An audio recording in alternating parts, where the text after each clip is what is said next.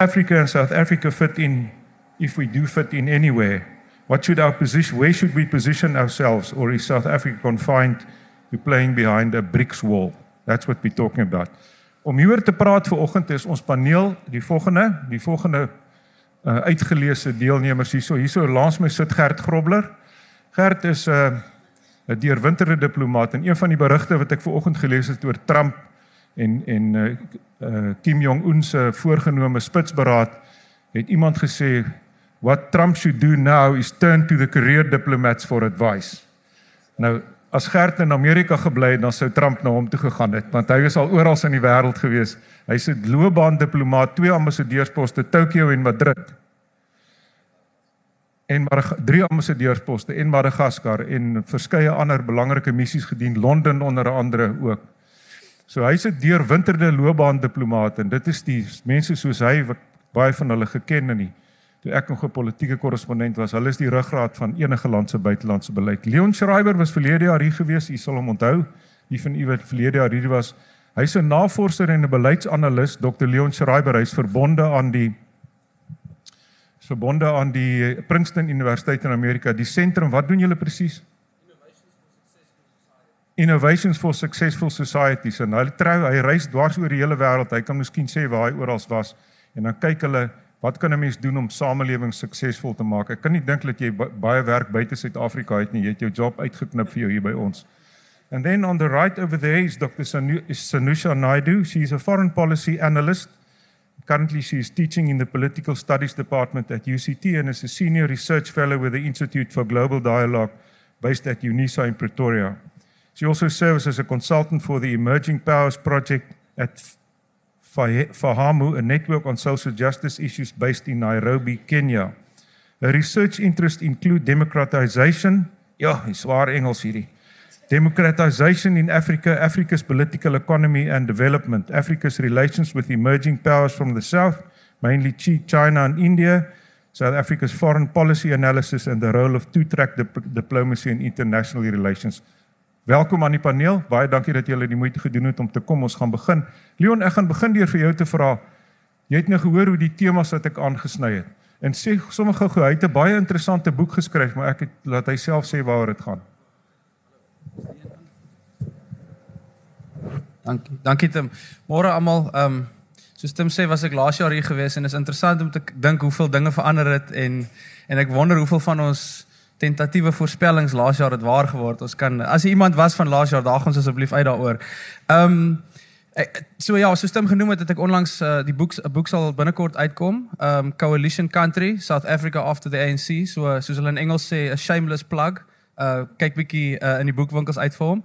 Ehm um, maar ek dink Tim het voor dit uitgesê, miskien net 'n uh, vinnige inleiding om so half vir ons te uh, aan die ding die ding aan die gang te sit. Ja, so toe ek nou bietjie gedink het oor vandag se gesprek, ehm um, is daar twee boeke wat by my onmiddellik opgekom het. Ehm um, en ek dink dit is nou nie 'n nuwe idee nie, maar ek dink tog dit help om uh om ons 'n idee te gee van waar ons staan. So uh, net na die einde van die Koue Oorlog, ehm um, wat natuurlik op 'n sekere wyse uiters onvoorspelbaar was, maar ook in 'n sekere sin baie voorspelbaar was met die sogenaamde mutually assured destruction uh tussen Rusland en Amerika. Ehm um, toe dit geëindig het, was daar die die ehm um, bekende boek van Francis Fukuyama waar hy natuurlik geskryf het oor die einde van die geskiedenis en hoe die liberale demokrasie en 'n oop ekonomie globalisering basies gewen het. En nou gaan ons maar net deur 'n stadige proses gaan waar elke land min of meer dieselfde begin lyk like en dieselfde soort beleide begin implementeer. Uh en daarom het hy gesê dis die einde van die geskiedenis. So 'n paar jaar later is daar die boek deur Samuel Huntington, um die sogenaamde Clash of Civilizations, waar hy tot 'n mate 'n teenoorgestelde argument gemaak het en gesê het wel aangesien die wêreld nou so oop is en as ons dink die wêreld die geskiedenis het nou geëindig, uh gaan dit eintlik lei tot nuwe soort konflikte. Uh konflikte nie noodwendig tussen state nie, nie noodwendig um 'n koue oorlog soort konflik nie, maar 'n konflik tussen verskillende uh civilizations, verskillende soort van idees oor wat die lewe behoort te wees en en goed, aan die begin dink ek het meeste mense gedink Huntington se idee is waarskynlik verkeerd en Fukuyama se is reg. Ek dink vir ons vandag sit is dit moeiliker om te sê uh of of om so duidelik te sê dat uh, Fukuyama reg was en dat Huntington verkeerd was. Uh ek dink ons lewe in 'n tydperk waar baie van die goed wat ons in ons bene voel, soos Tim sê, oor dinge wat verander is, dinge wat onseker, dinge wat onseker is. Um, tot 'n mate weerspieël die feit dat al twee hierdie boeke reg was en dat al twee hierdie soort patrone uh, tans in die wêreld afspeel. Ons het 'n oop ekonomiese stelsel, ons het globalisering, uh ons het tot 'n baie groot mate um oop grense ten minste tussen westerse lande. Maar terselfdertyd het ons 'n teenreaksie begin sien. Ons praat oor mure wat gebou moet word. Ons ons praat nou onlangs oor um trade tariffs wat moet inkom om om soort van terug te veg teen teen uh vrye handel. So ek dink tot 'n mate as ons daai twee idees en twee boeke in gedagte hou, is dit 'n goeie manier om om te begin dink oor vandag se gesprek. Baie dankie Leon. So nie kan almal my hoor, ja. So Nusha, can we have a few introductory remarks from your side? This Mikey. This no, it, yeah. This is not professor. Please go ahead. Um, can you hear me? Good morning. Uh, once again, thank you to the organizers for inviting me back to Stellenbosch. I apologize, I won't be able to speak in fluent Afrikaans, although I understand a lot. Uh, but first, let me just thank my fellow panelists and Tim for asking us to exercise our minds about a world that's in a constant state of flux. It's never static. And it reminded me of what I was teaching this week to my postgraduate students on foreign policy. And that was what we're seeing today is not something new, but a phenomenon that keeps repeating itself as we see the world beginning to evolve into different spaces. And that's what it's really about. I think, as uh, Leon had, had talked about the clash of civilizations, etc., it made me go back and ask the question how much of this is new and how much of this is real and how much of this have we seen before? And the debates for scholars like myself is essentially around the question are, uh, uh, particularly in terms of do we always have to have a country that stabilizes the international system and acts as a stabilizer? And is it because we don't have that country that we're seeing this fluidity that's taking place? And if you go back and look at history, there's a number of periods in which we've seen this kind of uncertainty, unpredictableness, and of course, what we could argue, multiple centers of power in the international system. It's not just happening in one particular space, it's happening in many spaces. So the question that you raised about the unpredictability and uncertainty, I think, if you go back to the period immediately after the First World War, where you had very important texts emerge around the idea of democratic peace. It's the same thing in terms of what happened in the interwar years between 1919 and 1939 uh, particularly in terms of the unpredictability. I think what makes this even more profound than before is the fact that we live in an age of globalization where technology has essentially made the compression of time and space that much more real. So we feel things in the space of a very particular period. We see it in a very real time, and we have technological spaces that give us that, that, that, that, that kind of understanding of the world. But having said that, I think there's a very interesting book that actually asks the question what happens to the international system when states emerge and tend to rise and fall? Do we look for other states to present itself in the international system? And more importantly, how do you deal with the clash of civilization? It's not just a clash of civilization, I think it's a clash of narratives. Whose narrative, how we interpret the world, and whose view of the world do we see? And in that context, to come back to BRICS, to come back to Trump, to come back to China, etc., what I see in the world is a multipolar world with various centers of power. We see a reemergence of the nuclear, uh, nuclear debate, the nuclear power issue in the Asia Pacific. So if you're going back to the Cold War, it's very real in Asia with the race for nuclear armament, the question of security in the South China Sea, and the rise of China in terms of moving across the Asia Peninsula in creating an alternative set of structures to what is already there. What I find fundamentally interesting about the world today is that what do we talk about when we say we want to reform the UN Security Council? What are we reforming and why are we reforming? So if you're looking for mirrors of images around the world, the decline of the US, the rise of China, these are the parallels that we talk about. But more importantly, the question is where does South Africa position itself in this world that is evolving so rapidly? Does it remain a country that punches above its weight, which was one of the questions that came out in our informal discussion? But does it remain a country that is strategically positioning itself to become much more than just a country that is thinking about its domestic priority? And I think the key question for us is what's going to be South Africa's repositioning of its foreign policy in going forward under uh, a new ANC leadership or an ANC leadership that is going through its own transitions and transformations, and how do we deal with that? Thank you. Thank you very much, Anusa. Thank you for that uh, exposition. Gert, nou oor na jou toe. Jy uh, Churchill het gesê hoe dieper 'n mens in die verlede kan inkyk, hoe beter kan jy die toekoms voorspel. Nou Gert het uh, die einde van die Koue Oorlog beleef en hy mag selfs al 'n diplomaat gewees het lank voor daai tyd. Uh hy's 'n absolute uh, waarnemer, gesoute waarnemer van die internasionale toneel. Hoe sien jy die dinge ontwikkel rondom die temas wat ons nou aangeroer het vanoggend? Nee, baie dankie Tim en my mede pan, pan paneellede. Nee, ek ek wil net jy weet ek dink die groot vraag wat gevra word en ek dink almal het daarna verwys is die wêreld vandag 'n veiliger plek? Is daar meer sekerheid nou oor die toekoms as wat daar was, kom ons sê na die Koue Oorlog? Wat ek wil sê as mens kyk na wat huidigelik in die wêreld gebeur op die oomblik is daar tot 'n mate meer onsekerheid. Is die wêreld miskien 'n minder veiliger plek om 'n om 'n aantal faktore. Die eerste is Trump.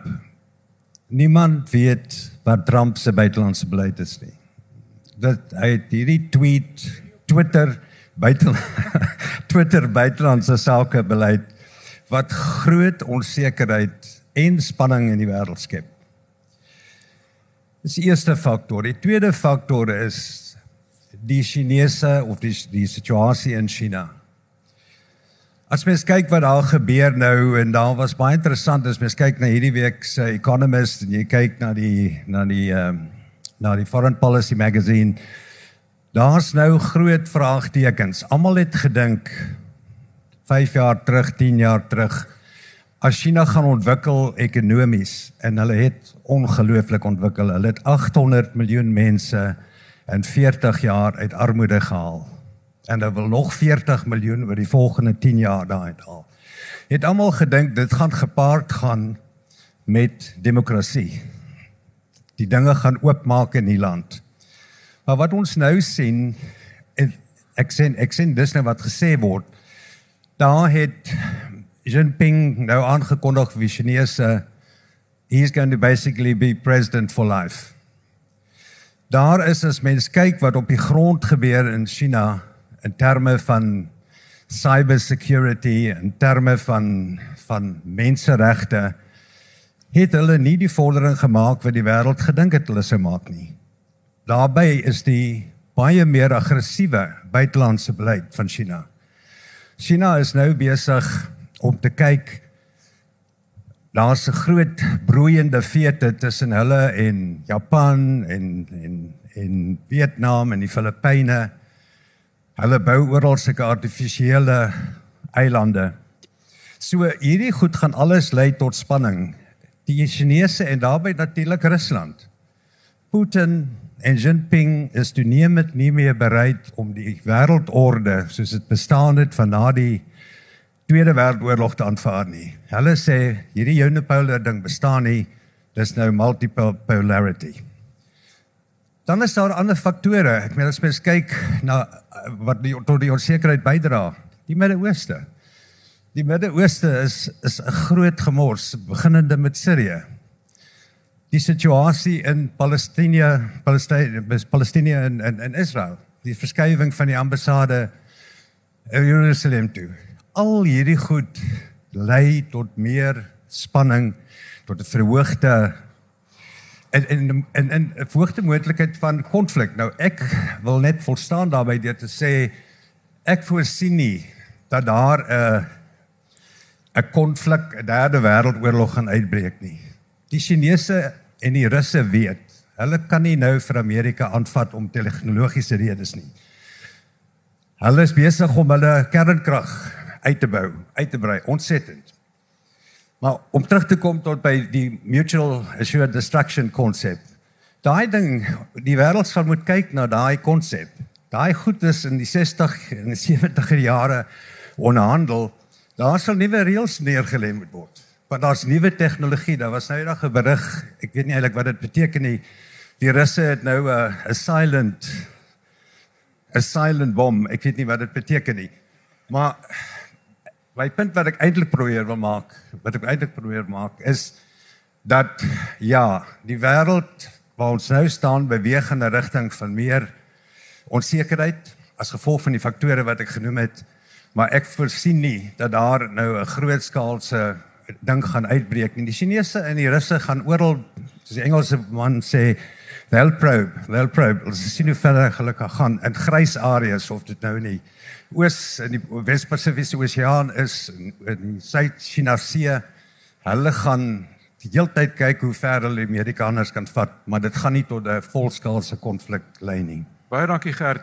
Leon, kom ons gaan sommer reguit na vanoggend se nuus oor Trump en Kim Jong Un.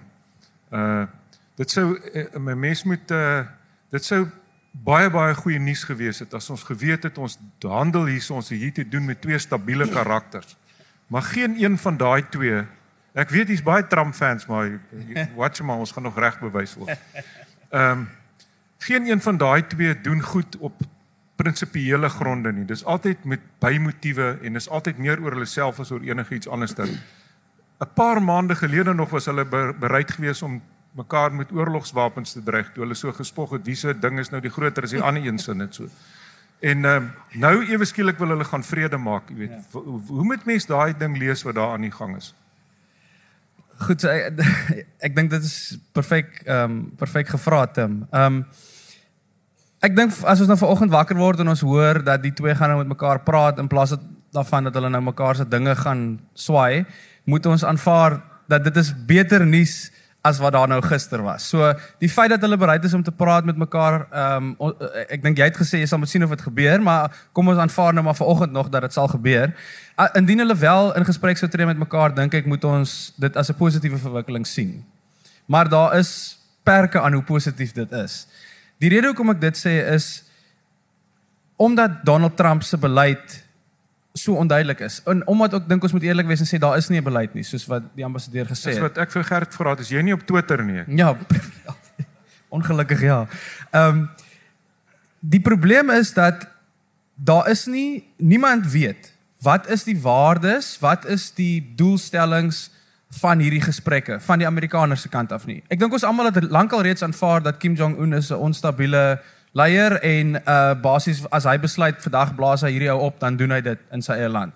So ons verwag nie noodwendig veel van sy kant af nie, maar wat ons tog nog altyd verwag het is dat Amerika in sulke onderhandelings duidelike ehm um, doelstellingswaardes sal hê oor wat ons nou uiteindelik wil bereik en hoe ons daarbey gaan uitkom en wat is die sogenaamde no-go zones of wat nie gedoen moet word nie. Die probleem is dat Donald Trump het nie 'n buitelandse beleid nie. Hy het nie eers 'n ambassadeur in Suid-Korea nie. Daar is soveel van die senior poste in die in die departement van buitelandse sake van Amerika wat nie gevul is nie. Hy kry nie insette van mense wat op die grond is wat kan sê wat is besig om aan te gaan daar op die op die Korea Korea um, peninsula nie. En ehm um, En dit dit is rede tot kommer en die die ek dink die beste manier om dit vas te vang is om te sê uh Amerika se buitelandse beleid soos Noord-Korea se is totaal verpersoonlik. Dit is soos wat Trump gesê het in 'n onderhoud onlangs, dit maak nie saak dat ek nie ambassadeurs het nie, dit maak nie saak dat ek nie raadgewers het nie. Al wat saak maak is hoe ek daaroor voel, is hoe ek oor 'n saak voel. En dit is basies Amerika se buitelandse beleid en dit is hoekom jy noem op Twitter want daar daar sê hy hoe hy voel. Die groot gevaar is tot 'n sekere mate hang die lot van die wêreld nou in die hande van hierdie twee uh redelike onstabiele leiers Uh en ons weet nie van een van hulle wat hulle eintlike waardes, wat hulle eintlike doelstellings is, wat dit vir ons sou beteken nie. Uh en Donald Trump het dit duidelik gestel in sy eie woorde dat hoe hy voel is nou eintlik hoe dit moet wees. En ek dink dit is die groot gevaar um met wat nou aangaan. So isn't it rather ironic we are, you know, the Amer as you mentioned in your introduction, America is a, a a global power of diminishing influence and stature. And this is happening on the watch of a president that got elected under the slogan of Make America Great Again. And now exactly the opposite is happening. What is, what is your view of this? I mean, I have to agree with, with, with Kurt and the, uh, and the ambassador. I think that the, the, the, the point about this is that when you talk about Donald Trump, you're actually looking for what is the policy. The problem is he tweets policy as opposed to actually defining policy. So it's a whim. He wakes up in the morning and decides, okay, I'm going to tweet this today. And he's a very controversial and a very kind of conflictual individual. But the thing about Trump, I think, is the Make America First election strategy was essentially trying to talk to a populism that won him not the popular vote, the electoral college vote, which is a fundamental difference because the popular vote was Hillary Clinton. So that was an interesting dynamic in the domestic uh, arena of, of American uh, electoral politics. But his policy is to talk a populist rhetoric. And that populist rhetoric is what's currently happening with the whole announcement of the tariffs on steel and the protectionism that he wants to protect a market that he sees as a key constituency for himself. It's not whether or not he believes in the policy. It is about the, the act of, the, of, of, of, of what he says and how that's going to kind of recreate himself as, a, as an individual. The challenge with that kind of thinking is that if you go back and you ask yourself how interdependent the world is today, it creates a whole lot of contagion and spiral effects to the global economy. You see the US, uh, the, the, Chinese getting very nervous about it. The Europeans are getting nervous about it. The impact on South Africa's trade uh, and steel industry and so forth. But the challenge is that can you make it work? You know, in, in, in a world where you're living in an interdependent economic environment. And that's the challenge for, for, for the US because the, the US hasn't produced stuff in a kind of uh, manufacturing way for a long time, maybe R&D, but not in terms of where labor was actually part of the production space in terms of the global value chain. So that's a challenge for, for, for the world. And I think the mutually um, the mutual destruction uh, that we talk about is really around moving away from the kind of hard politics of security and military and so forth. We saw it under Bush where we had a military linked to the industrial complex argument and the, and the war in Iraq and so forth. We saw Obama not being very successful in re, uh, re, redefining and withdrawing that kind of military base from, from, from Iraq and so forth. But what we do see now under Trump, I think the trade wars are going to become much more of a complexity because that's where the real challenge is. And we may end up in a situation in the, in the world today where in terms of the EU, the EU is also affected by these trade uh, protectionist measures. And so when you have a Chinese leader addressing Davos in 2016 uh, or 17 and saying to the world, let's not be protectionist, then you know that we are in a very interesting space around a new type of uh, uh security dilemma in the world, and that's around trade dynamics. Thank you very much. Gert, kom ons gaan 'n bietjie na Europa toe. Die Italianers het 'n verkiesing gehad verlede week uh, wat eintlik 'n baie snaakse resultaat opgelewer het. Ek sien almal skud die teeblare, maar niemand kan uitfigure wat dit presies daar gebeur nie. Die opkoms van populisme in Europa, dit was 'n populistiese stem geweest. Daar is meer populisties neigende regsgesinde partye wat in Italië gewen het. Brexit, die stemming oor Brexit 3 jaar gelede is 2 of 3 jaar gelede. Dit was 'n uiting van van populisme onder die Britte geweest die Duitsers se politiek het nou onlangs het maar eers nou die dag weer stabiel geraak nou 5 maande wat hulle nie 'n regering kon kon vorm nie. Waarheen gaan Europa is, is die EU ook besig in terme van wat Senusha gesê het van 'n multipolêre wêreld? Is die EU besig om terug te sak in na sy regmatige plek in te gaan as 'n as 'n wêreld as 'n mag in wêreldpolitiek? Nee, dankie Tim. Julle kwessie van populisme dis 'n feit dat as mens kyk wat gebeur ten spyte ek sal terugkom na Italië toe dat wat in Frankryk gebeur het en wat in 'n paar ander lande gebeur het, Duitsland onder andere, ek meen baie mense het gedink die alternatiewe vir Duitsland sal baie sterker wees. So populisme is tot 'n mate tot 'n mate afgeweer.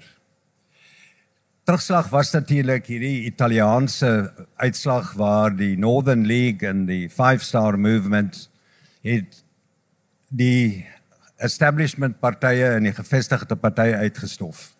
So jy het gaan nou eintlik 'n populistiese 'n verregse regering hier in Italië. Part nog steeds miskien dat Berlusconi ook gaan terug wees. Maar so populisme is nie dood nie. Uh ek dink wat wat wat mense gaan sien gebeur in Europa is dat jou gevestigde partye gaan leer van wat die populiste doen. Die populiste was baie meer effektief om die mense se frustrasies en die mense se woede te aanvaar en op te som en aandag daaraan te gee. Nou jou gevestigde partye leer nou almal. Hulle sien nou jy weet ons moet dit miskien ons moet beter kommunikeer dat daar vernuwing gaan kom in van jou gevestigde partye wat nie noodwendig 'n slegte ding is nie. So dit gaan gebeur. Die ander ding is wat die populiste natuurlik toenemend gaan gebruik in die afwesigheid van setels of of 'n meerderheid in regerings gebruik hulle referendums om hulle punte wat hulle wil deursit of wat hulle meer suksesvol behaal dat uh, hulle referendums gebruik. So die punt is dat ten spyte van feit dat dat populisme almal het nou gesê dis hierdie hengse bedreiging, ek dink dit het 'n bietjie teruggesak maar dit bly steeds daar soos gewys is deur die deur die deur die Italianers. Wat die Europese Unie betref, dis jammer dat jy vandag in Europa Merkel is op 'n pad uit. Ek meen sy het nou geslaag om hierdie koalisie tot stand te bring. Maar sy begin nou al klaar Die Engelsman sê to get a ducks in the row het nou 'n vrou aangestel en die sekretaris-generaal van die CDU wat lyk vir my die opvolger gaan word. Ehm um, en dan gaan jonger gesigte ook in die SPD en is daar van die jeug wat nou sterk na vore tree. Uh so in die Europese Unie is daar altyd die ruggraat van die Europese Unie was nog altyd Duitsland en Frankryk. Ek meen Brittanje het ook 'n rol gespeel maar hulle is besig om hulle nou heeltemal uit die prentjie uit te haal. So die die positiewe ding van die Europese Unie op die oomblik is tussen Macron en Duitsland is daar baie goeie samewerking. Die ekonomie van Europa is besig om te herstel. So dis op sigself ook ook wat populisme betref is dit 'n positiewe verwikkeling dat die ekonomie in in in in die Europese Unie, maar die Europese Unie is daar, dis 'n gevestigde georganiseerde meganisme en dit gaan maar altyd daar wees. Jy, jy moet natuurlik sterk regerings hê om hierdie ding te dryf. En so ek sê op die oomblik is Macron, Macron daar, hy is redelik sterk. Maar Brittanje is is ek voel baie jammer vir die Engelse en die Duitsers het het eintlik nou 'n swak regering om dit so uit te druk want hulle het 'n koalisie regering. So die Europese Unie gaan ook maar baie ehm um, uh, uitdagings uh, gaan op gaan hulle op pad vorentoe hê. Maar 'n positiewe ding is dat die ekonomie van die Europese Unie oor die algemeen besig is om te herstel. Leon as ek ja, dankie Gert, baie dankie. As ek bietjie na jou toe kan kom. Gert, as ek na jou luister dan klink dit vir my Engeland maak so, hulle gaan af. Suid-Afrika is besig om op te gaan. Binnekort gaan ons Engeland inval en die Kalinin diamant gaan huis toe bring. Sommige 'n bietjie kompensasie vir die Anglo-Boereoorlog ook by hulle kry. Ehm um, Leon, kom ons kom 'n bietjie nader huis toe na Afrika se kant toe. Jy reis taamlik omvattend in Afrika. Uh, wat is besig om in Afrika te gebeur and later on in the discussion we must absolutely Sanusha if you it's a special interest of yours you know South Africa's relation relations with Africa on a bilateral and uh uh multilateral basis maar wat is besig om in die Afrika vasteland te gebeur Goed, dis 'n baie baie groot vraag en ons kan eintlik 'n hele paneelgesprek daaroor hê. Um, maar ek sal my bes doen om bietjie van die die die kiekies wat ek kry as ek reis um vas te vang. So ek dink die eerste ding wat wat baie interessant is en wat nou al 'n tyd lank aan die kom is, um is 'n soort nuwe nuwe model van regering in Afrika wat waar Rwanda aan die voorpunt gestaan het van um 'n soort onbeskaamde diktatorskap. Um maar in ruil vir uiters bekwame tegniese regeringskunde as jy dit so wil sien. So uh, 'n uh, land soos Rwanda is een wat ek dink al hoe meer in Suid-Afrika bespreek word. Uh, ons sien byvoorbeeld in Johannesburg het hulle hierdie Aretsebetseng opruimings uh soort van elke laaste naweek van elke maand wat wat gekopieer is by wat in Rwanda gebeur waar die hele land uitgaan elke laaste naweek van die maand en en hulle plekke skoonmaak. So uh dit ons kan 'n lang gesprek voer oor Rwanda, maar ek dink daar's 'n model aan die ont, ont, ontwikkel daar wat ons ook in tot dalk miskien tot 'n mindere mate in 'n plek soos Ethiopië sien waar daar nou baie onstuimigheid is, maar waar ek dink die regering iets baie soortgelyk doen as wat in Rwanda ehm um, tot 'n sekere mate van sukses gedoen is, uh waar die regering bekwame amptenare aanstel waar die staatsdiens ehm um, regtig uh sy werk doen en waar mense kan begin sien maar wag die paaie hier rondom raak beter ons sien vooruitgang ehm um, die statistieke spreek redelik uh, van self oor hoe daai twee lande uh vordering gemaak het. So as 'n mens veral in Oos-Afrika reis, dan kom jy gereeld in kontak met mense in plekke soos Tansanië en Kenia waar daar gepraat word daaroor dat ons buurland Rwanda en tot 'n mate Ethiopië doen hierdie ding. Hoekom kan ons dit nie ook so doen nie? Ons het nou hierdie demokrasie hier in Kenia byvoorbeeld, maar ons is elke keer by elke verkiesing is ons op die punt van 'n burgeroorlog en niks word gedoen nie want ons is so verdeel. Miskien moet ons ook daai tipe strongman uh, benadering volg wat wat in, wat dan nou so goed werk in Rwanda. Ons kan spekuleer oor hoe lank dit sal hou en hoe gesond dit is, maar ek dink dis een model veral in Oos-Afrika wat 'n mens toenemend sien. Uh, Magafuli in Tansanië is 'n goeie voorbeeld daarvan. Um, ek dink om 'n bietjie breër te gaan, ons ons praat nou maar net Sub-Sahara Afrika. Ek dink in Wes-Af Wes-Afrika is 'n interessante is 'n interessante geval. Ek dink jy sien ehm um, sulke groot verskille in die tipe uitdagings wat daardie lande in die gesig staar. Ehm um, 'n plek soos Nigerië, daar's min plekke in die wêreld wat so kompleks is en wat daai tipe probleme ehm um, moet tegemoet gaan. Ehm um, dan maar dan het jy weer iets soos Ghana wat dan nou half die Rwanda argument tot 'n sekere mate weer lê. Ek meen Rwanda het 'n baie trotse tradisie van 'n uh, demokratiese verkiesings um en ook redelike sterk groei. En so daar's 'n soort node on, aan die ontwikkel wat dalk 'n bietjie anders lyk as wat uh, lande in Oos-Afrika oortuig is van uh, is die pad vorentoe.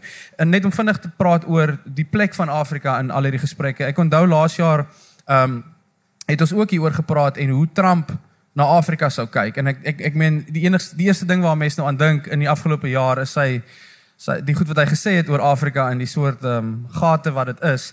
Uh en en ek dink meer as weet ons kan almal mos nou aanvaar dat dit wys wat hy regtig dink oor hierdie plekke, maar ek dink meer as dit is dit weer 'n voorbeeld daarvan dat eerstens Afrika nie regtig saak maak in sy agenda nie en tweedens dat daar nie regtig eers 'n poging was om te dink waar pas hierdie kom ons sê dan nou minder invloedryke lande, polities invloedryke lande nou eintlik in in die wêreldstelsel nie.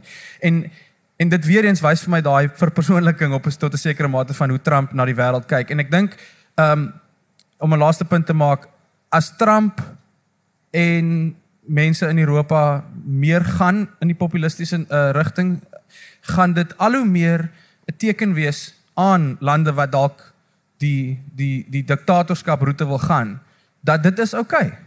Ironies genoeg is Robert Mugabe uiteindelik uit uit die kussings gelig op dieselfde tyd wat Trump begin toestemming gee tot 'n sekere mate uh vir hierdie tipe leiers om maar te kan bly in hulle plekke en en en aanhou doen wat hulle wil. Baie dankie Leon. Sanusha, um can we talk a little bit about BRICS? Sometimes it feels uh as if it's an artificial formation. The the the it before South Africa joined, it was BRIC, and that was a term that was designed, I think, by an investment banker in New York. Uh, what has it, you know, what has happened with BRICS? Is it really, is something happening there? Are they a, a formation, a kind of a, a global formation that's being taken seriously elsewhere in the world? I read a line somewhere the other day that said, you know, BRICS had lots of potential in South Africa, but South Africa because we are very small and Jacob Zuma only, you know, used BRICS to benefit himself, uh, the, the full potential of South Africa's membership of BRICS has not been um, fully exploited? Um, thank you, Tim. Let me just go back a bit to the Africa question that you raised earlier.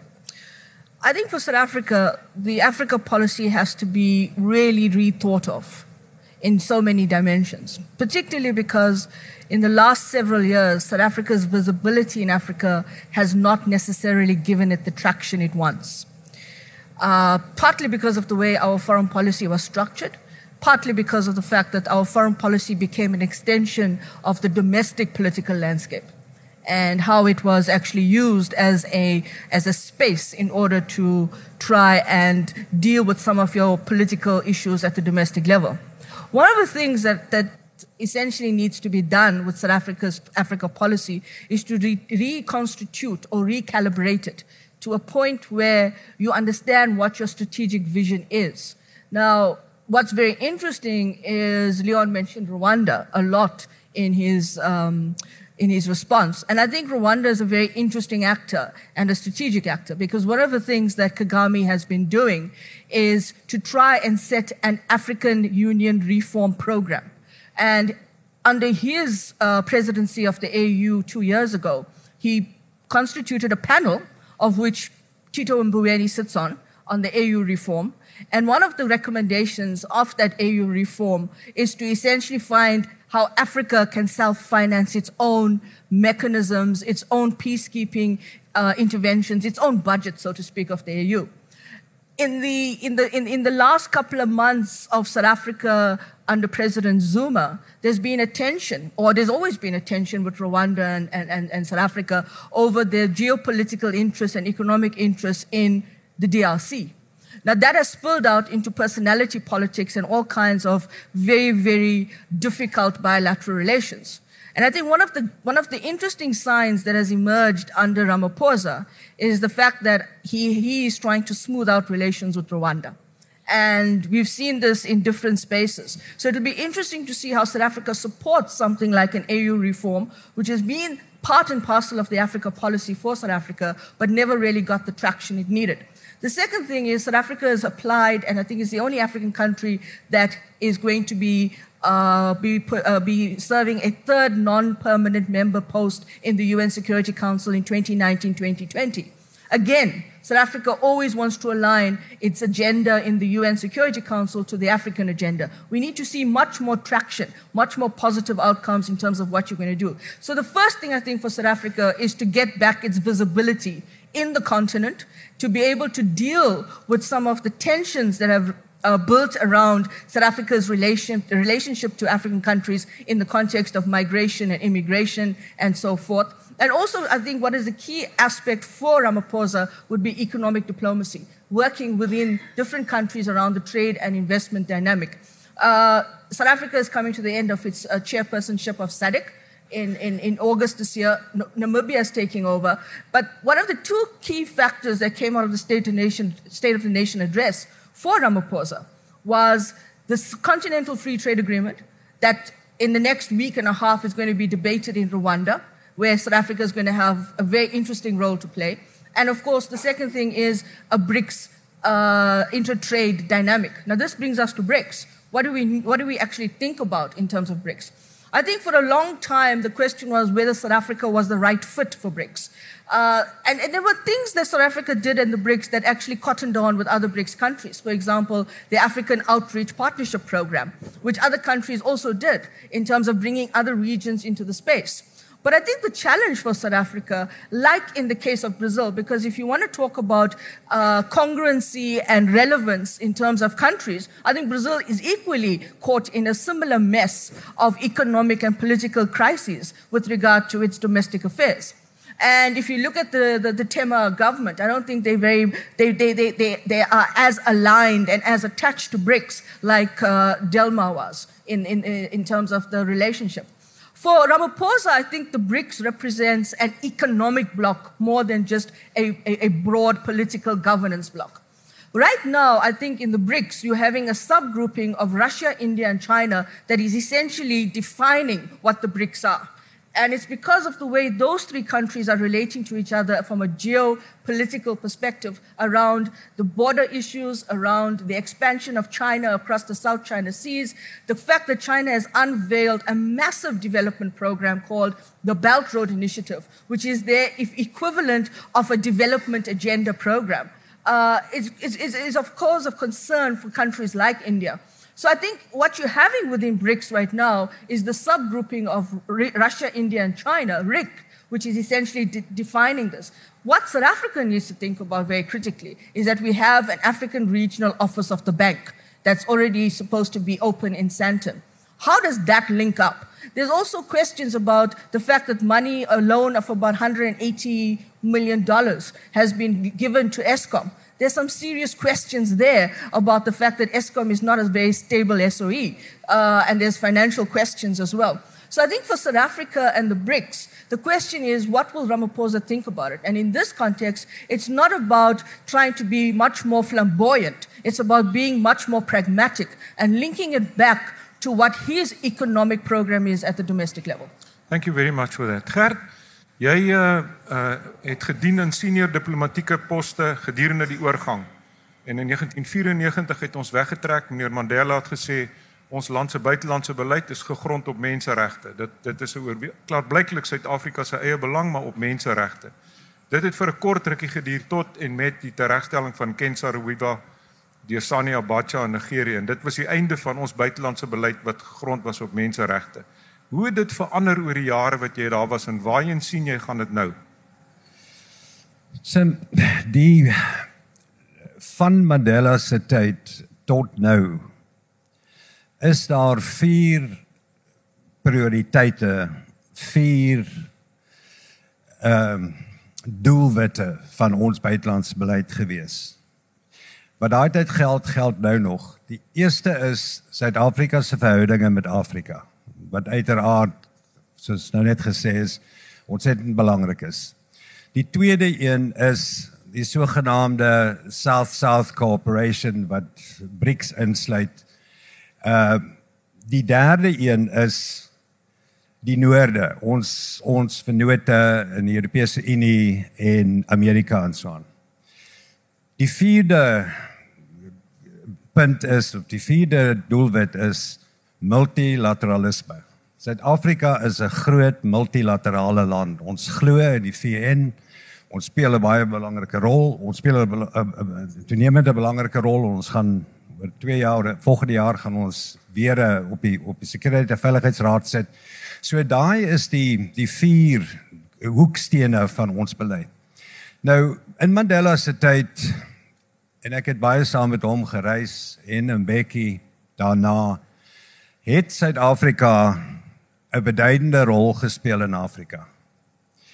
Uh Mandela net as gevolg van sy morele hoë grond wat hy ingebring het in in in alle gesprekke dit het intussen verdwyn. Die kwessie van ehm um, die kwessie van uh die African Renaissance, daai konsep wat Mbeki ingebring het. So in daai jare het dit goed gegaan met Suid-Afrika se verhoudinge met met Afrika. Maar soos uh die vorige spreker gesê het, wat hier in Suid-Afrika gebeur het oor die laaste 5, 6, 7 jaar het ons die morele hoë grond verloor. En dit moet herstel word, dit moet weer gevestig word. Uh ook wat uh nou by die kwessie van BRICS het sy aangespreek, maar Suid-Afrika het nog altyd BRICS gebruik om die Afrika agenda te bevorder, om ander Afrika lande is is agendas en bevoor en dis groei te bevorder en ons sal aanhou om dit te doen en ek dink Cyril Ramaphosa gaan dit meer doen as almal. Ons moet wat die noorde betref, moet ons 'n meer gebalanseerde en 'n minder ideologiese benadering volg.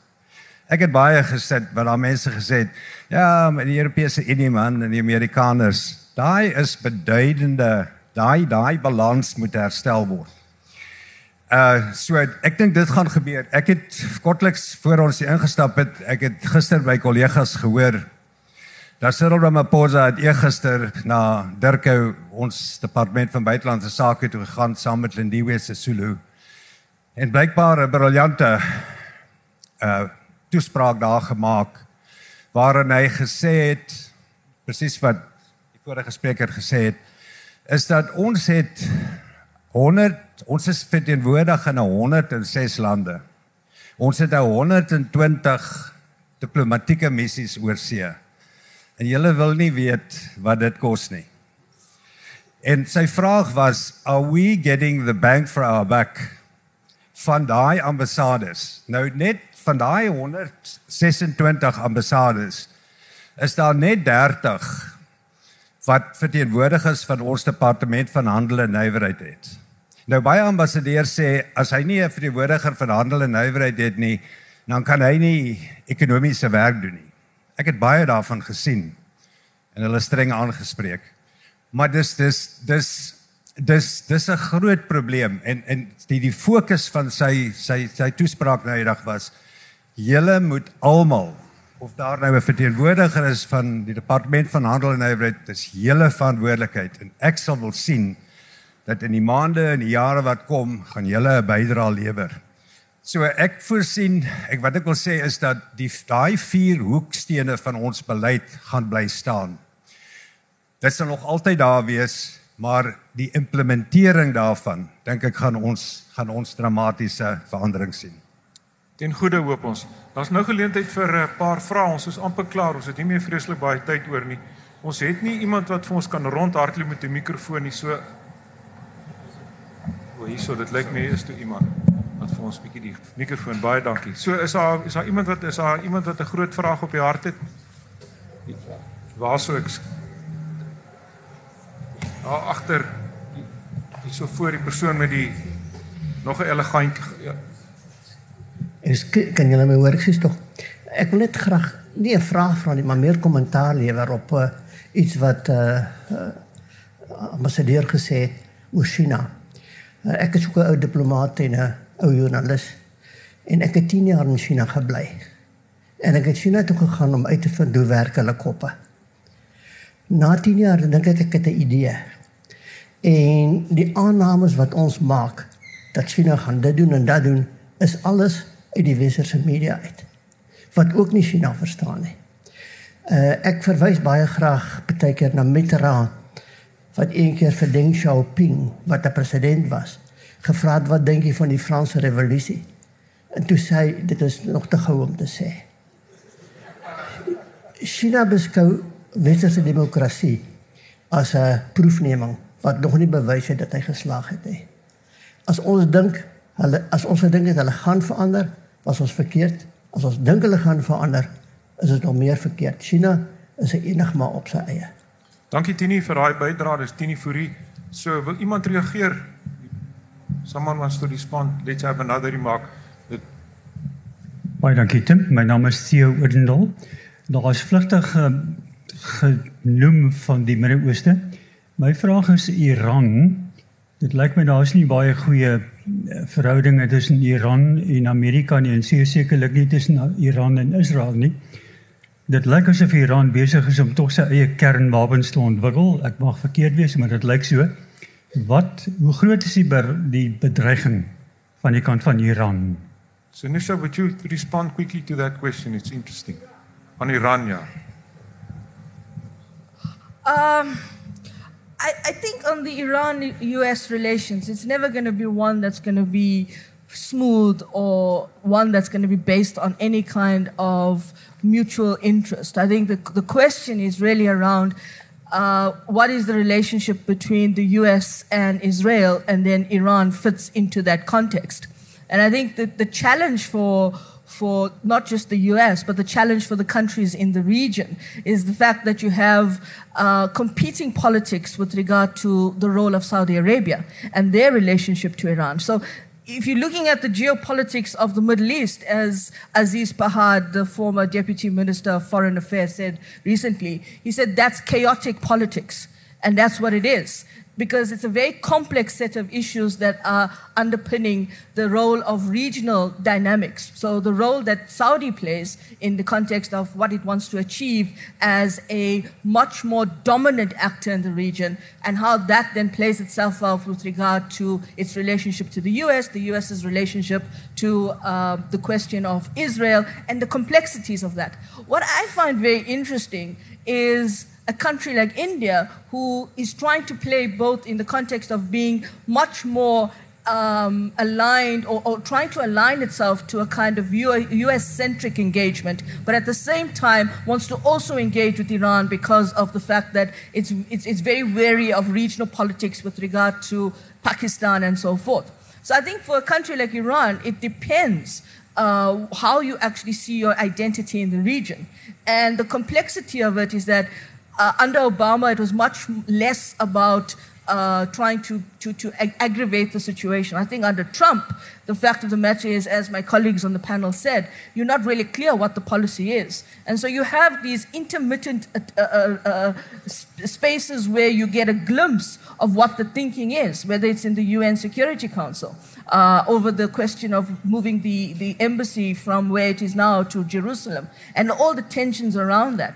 And I think for Iran, it's about also the relationship between the countries within the Middle East in respect of the different criteria around Shiite, Shiitism and Sunniism in the region. So I think you have to be much more careful about how do you see this complexity play out in, in, in, in what I think is becoming a much more complex geostrategic center of power. Because for, for, for just to go back to the previous comment about China, you know, we always say China does not interfere in the domestic affairs of another country.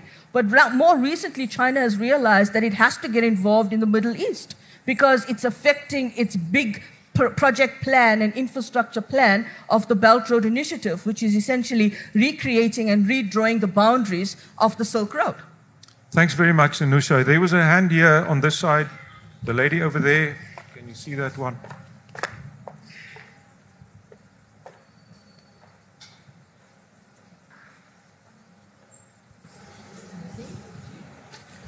Goeiemôre, my naam is Karin Wisse.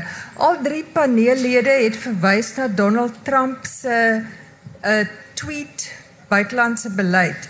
En ek was gister by 'n praatjie deur Jeremy Gardner van Investec waar hy beweer het dat um, net een uit elke 7 van die tweets wat aan Trump toegeskryf is, werklik van hom is en die ander is blykbaar vals nuus.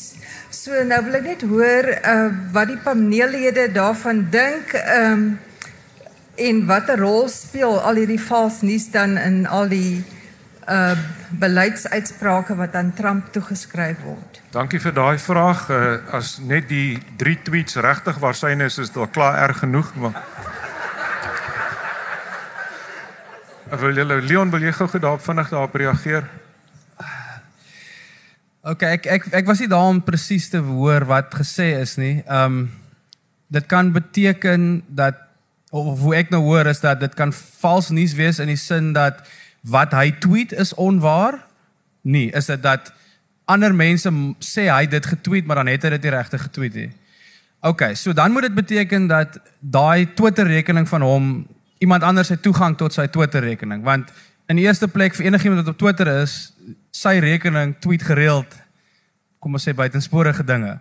Ehm um, so daar's ek dink daar's geen twyfel daaroor dat die rekening wat deur Twitter geverifieer is dat dit aan Donald Trump behoort, hierdie goed sê nie. Ek dink dit is algemeen aanvaar. Uh natuurlik is ons nie daar om te sien wie fisies sit en die tweet skryf nie.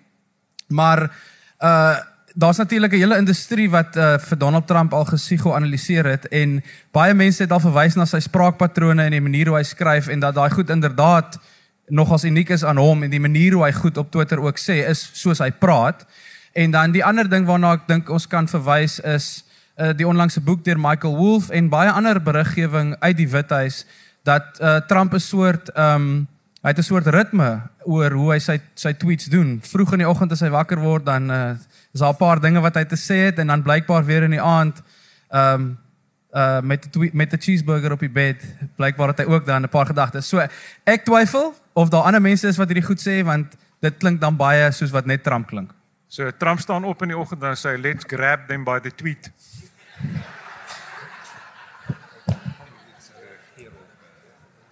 Kan ek net miskien Tini het gepraat oor China en ek wil net duidelik stel dat wat ek gesê het wat daar gebeur word geskryf soos jy reg sê in die westerse media.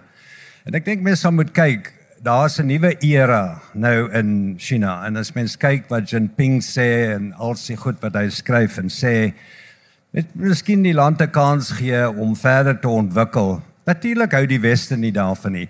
Hierdie Belt and Road Initiative wat die wat wat die Chinese nou loods. Hulle wil 1 triljoen dollar investeer in daai projek oor die volgende klompe jare. Nou die die Amerikaners sien dit as 'n strategiese bedreiging.